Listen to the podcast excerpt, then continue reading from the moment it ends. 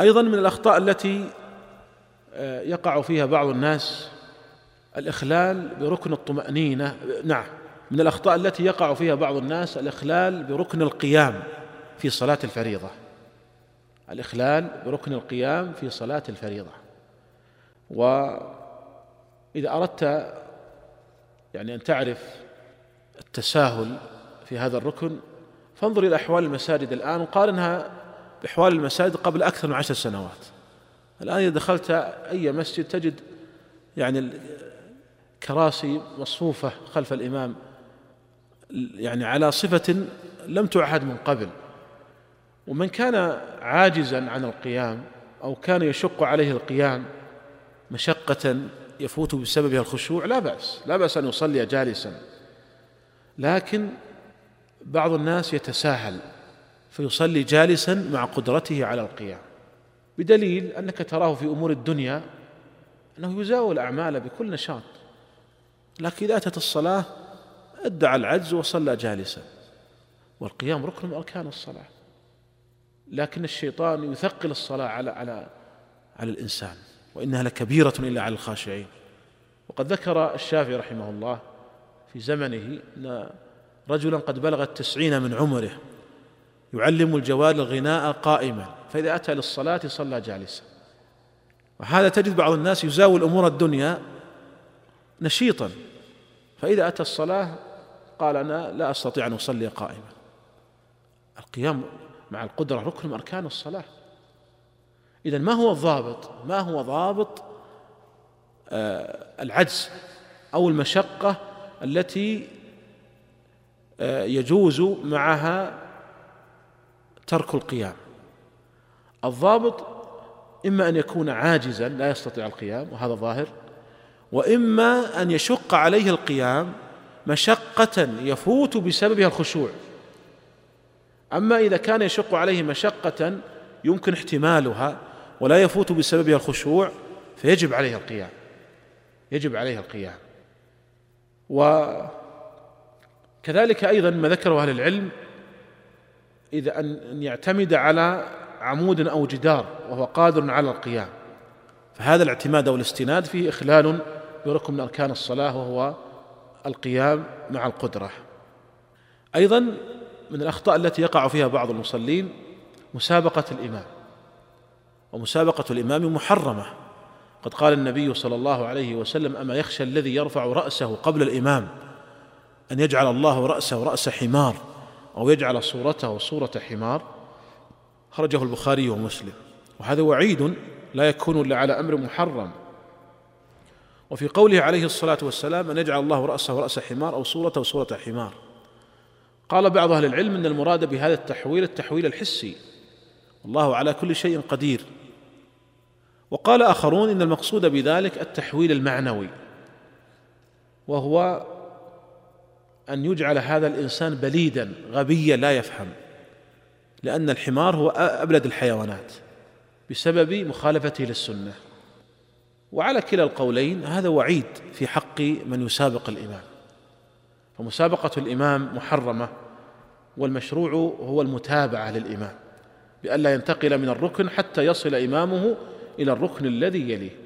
قد جاء في الصحيحين عن البراء رضي الله عنه قال كان رسول الله صلى الله عليه وسلم إذا قال سمع الله لمن حمده لم يحن أحدنا ظهره حتى يقع رسول الله صلى الله عليه وسلم ساجدا ثم نقع سجودا بعده.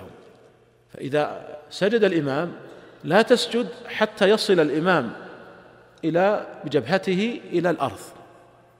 أما قبل ذلك فلا تتحرك.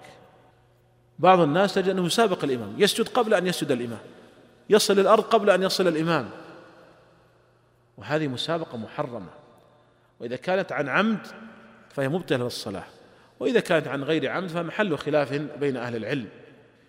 أيضا من الأخطاء التي يقع فيها بعض الناس قراءة الفاتحة في قلبه. أو الإتيان بأذكار الصلاة عموما في قلبه. لا يحرك لسانه. بعض الناس عندما يقرأ الفاتحة يقرأها في قلبه بدون تحريك اللسان. عندما كذلك يقول سبحان ربي العظيم ويقولها في قلبه. هل هذه قراءة؟ عندما يقرأ الإنسان في قلبه هل هذه قراءة؟ هذه ليست قراءة لا بالمعنى اللغوي ولا بالمعنى الشرعي ولا بالمعنى العرفي. هذه مجرد تأمل وتفكير. ولذلك لو طلق رجل زوجته في قلبه لم يقع الطلاق بإجماع العلماء. لا بد يتلفظ بالطلاق. ولو أن وليا قال للرجل زوجتك ابنتي قال في قلبه لم ينعقد النكاح. ولو قال الزوج قبلت بدون أن يتلفظ لم ينعقد النكاح. إذا لا بد من التلفظ. اختلف العلماء هل لا بد أن يسمع نفسه؟ المذهب عند الحنابلة أنه لا بد أن يسمع نفسه بالقراءة ولكن هذا قول مرجوح والصواب أنه لا يشترط أن يسمع نفسه لأنه لا دليل على اشتراط هذا الشرط. وإنما الواجب أن يحرك لسانه. قول الله تعالى لا تحرك به لسانك لتعجل به. فدل ذلك على أن المعول عليه تحريك اللسان. فإذا لا بد من تحريك اللسان بجميع أذكار الصلاة بقراءة الفاتحة بالتكبير بالتسبيح بجميع الأذكار. لا بد من تحريك اللسان. حتى في تلاوة القرآن. يعني بعض الناس تجد يفتح المصحف ويبدأ ينظر من غير أن يحرك لسانه. هذه ليست قراءة. هذه تأمل قد يؤجر على تأمله وتدبره لكن ليست قراءة. ليست القراءة التي يؤجر عليها ويثاب من قرأ حرفا له حسنة والحسنة بعشر أمثالها. لا بد من تحريك اللسان. فهذه من الأخطاء الموجودة عند بعض الناس وكما ترون هذا الخطأ كبير ومؤثر. يعني لا تصح معه الصلاة. لا تصح معه الصلاة. وقد ورد استفتاء للجنة الدائمة للبحوث العلمية والإفتاء. برئاسة شيخنا عبد العزيز بن باز رحمه الله عن رجل صلى آه، إحدى الصلوات السرية يعني صلاة الظهر أو العصر وفي فمه أكرمكم الله في نخامة ولم يحرك لسانه بقراءة الفاتحة وإنما قرأها في نفسه فأفتي بأن يعيد الصلاة لأنه يعني ترك ركن من أركان الصلاة. آه، أيضا من الأخطاء التي يعني يقع فيها بعض الناس الإسراع عند إقامة الصلاة. وقال عليه الصلاة والسلام إذا أقيمت الصلاة فامشوا عليكم السكينة فما أدركتم فصلوا وما فاتكم فأتموا. فإذا أقيمت الصلاة ينبغي أن يمشي المسلم بسكينة ووقار وتؤدة لأن إسراعه يشوش على المصلين من جهة وهو أيضا إذا دخل في الصلاة سيكون ذهنه أيضا مشوشا ويكون مرتبكا. ولذلك فالسنة أن يمشي وعليه السكينة.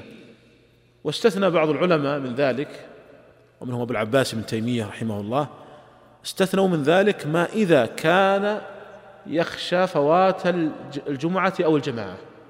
كأن يكون الإمام في الركوع من الركعة الثانية من صلاة الجمعة أو في الركوع من الركعة الأخيرة. من أي صلاة.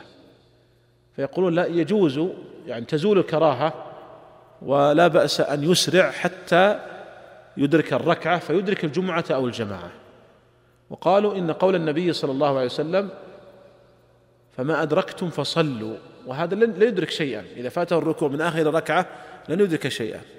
فاستثنوا هذه المسألة قالوا في هذه الحالة إذا كان الركوع من آخر ركعة لا بأس بالإسراع حينئذ وقد روي في ذلك آثار عن بعض السلف. كذلك أيضا مما يلاحظ على بعض الناس وربما نقول كثير من الناس التأخر في الإتيان للصلاة. وقد قال النبي صلى الله عليه وسلم لو يعلم الناس ما في التهجير لاستبقوا إليه. والتهجير هو التبكير. وهذا الحديث رواه البخاري ومسلم. ونجد أن كثيرا من المساجد لا يأتي الناس إلا مع الإقامة. فتكاد الإقامة الآن تقوم مقام الأذان.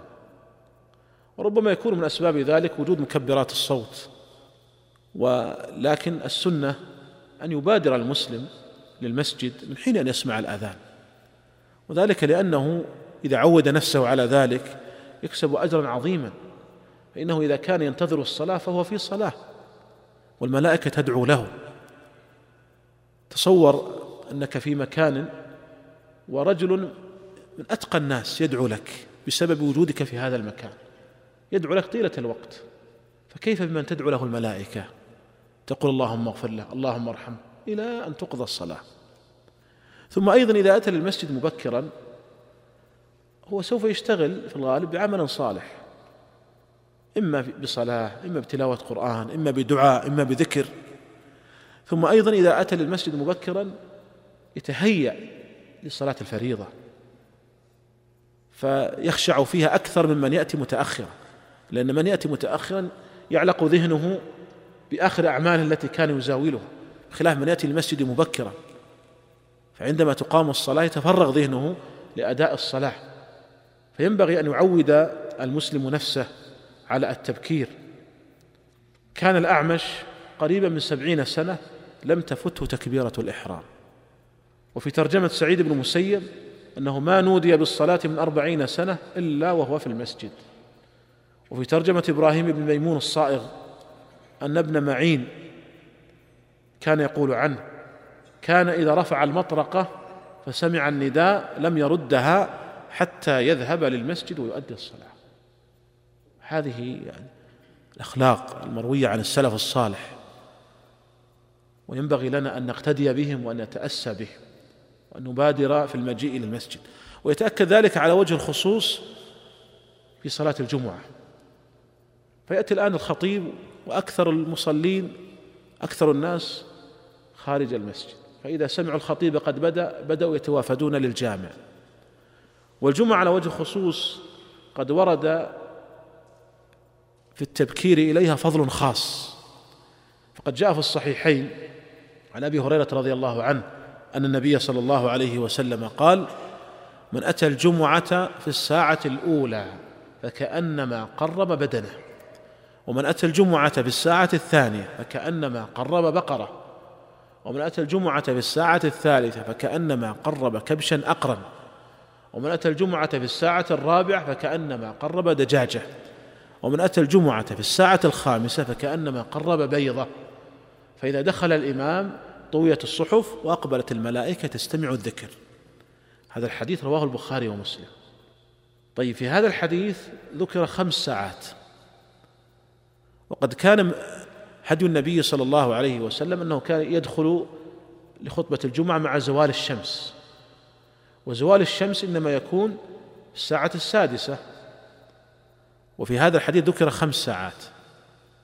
فمعنى ذلك أن الساعة الأولى تبتدئ بعد طلوع الشمس بساعة. ولكن هل المراد الساعة المعروفة في وقتنا التي هي ستون دقيقة؟ لا ليس هذا المقصود. لم تكن هذه معروفة. صحيح أن اليوم والليلة كانت العرب تقسم إلى 24 ساعة لكن ليست هي المقصودة في هذا الحديث. إذا ما المراد بالساعة؟ المراد بالساعة هو الحصة الزمنية. إذا قسمت ما بين طلوع الشمس إلى غروبها على 12 إذا قسمت ما بين طلوع الشمس وإلى غروبها على 12 فيخرج لك مقدار الساعة.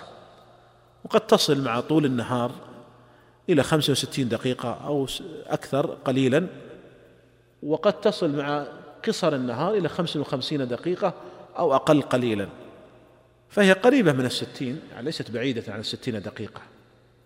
لكن القاعدة تقسم الفترة الزمنية ما بين طلوع الشمس إلى غروبها على 12 فيخرج لك المقدار بالساعة في هذا الحديث. وهي الساعة المعروفة عند العرب لأن العرب كانوا يقسمون اليوم والليلة على ثنتي عشرة ساعة. فالفترة الزمنية إذا قسمت ما بين طلوع الشمس وغروبها على 12 يخرج لك مقدار الساعة. وما يسمون يسمونه بالساعة الميقاتية.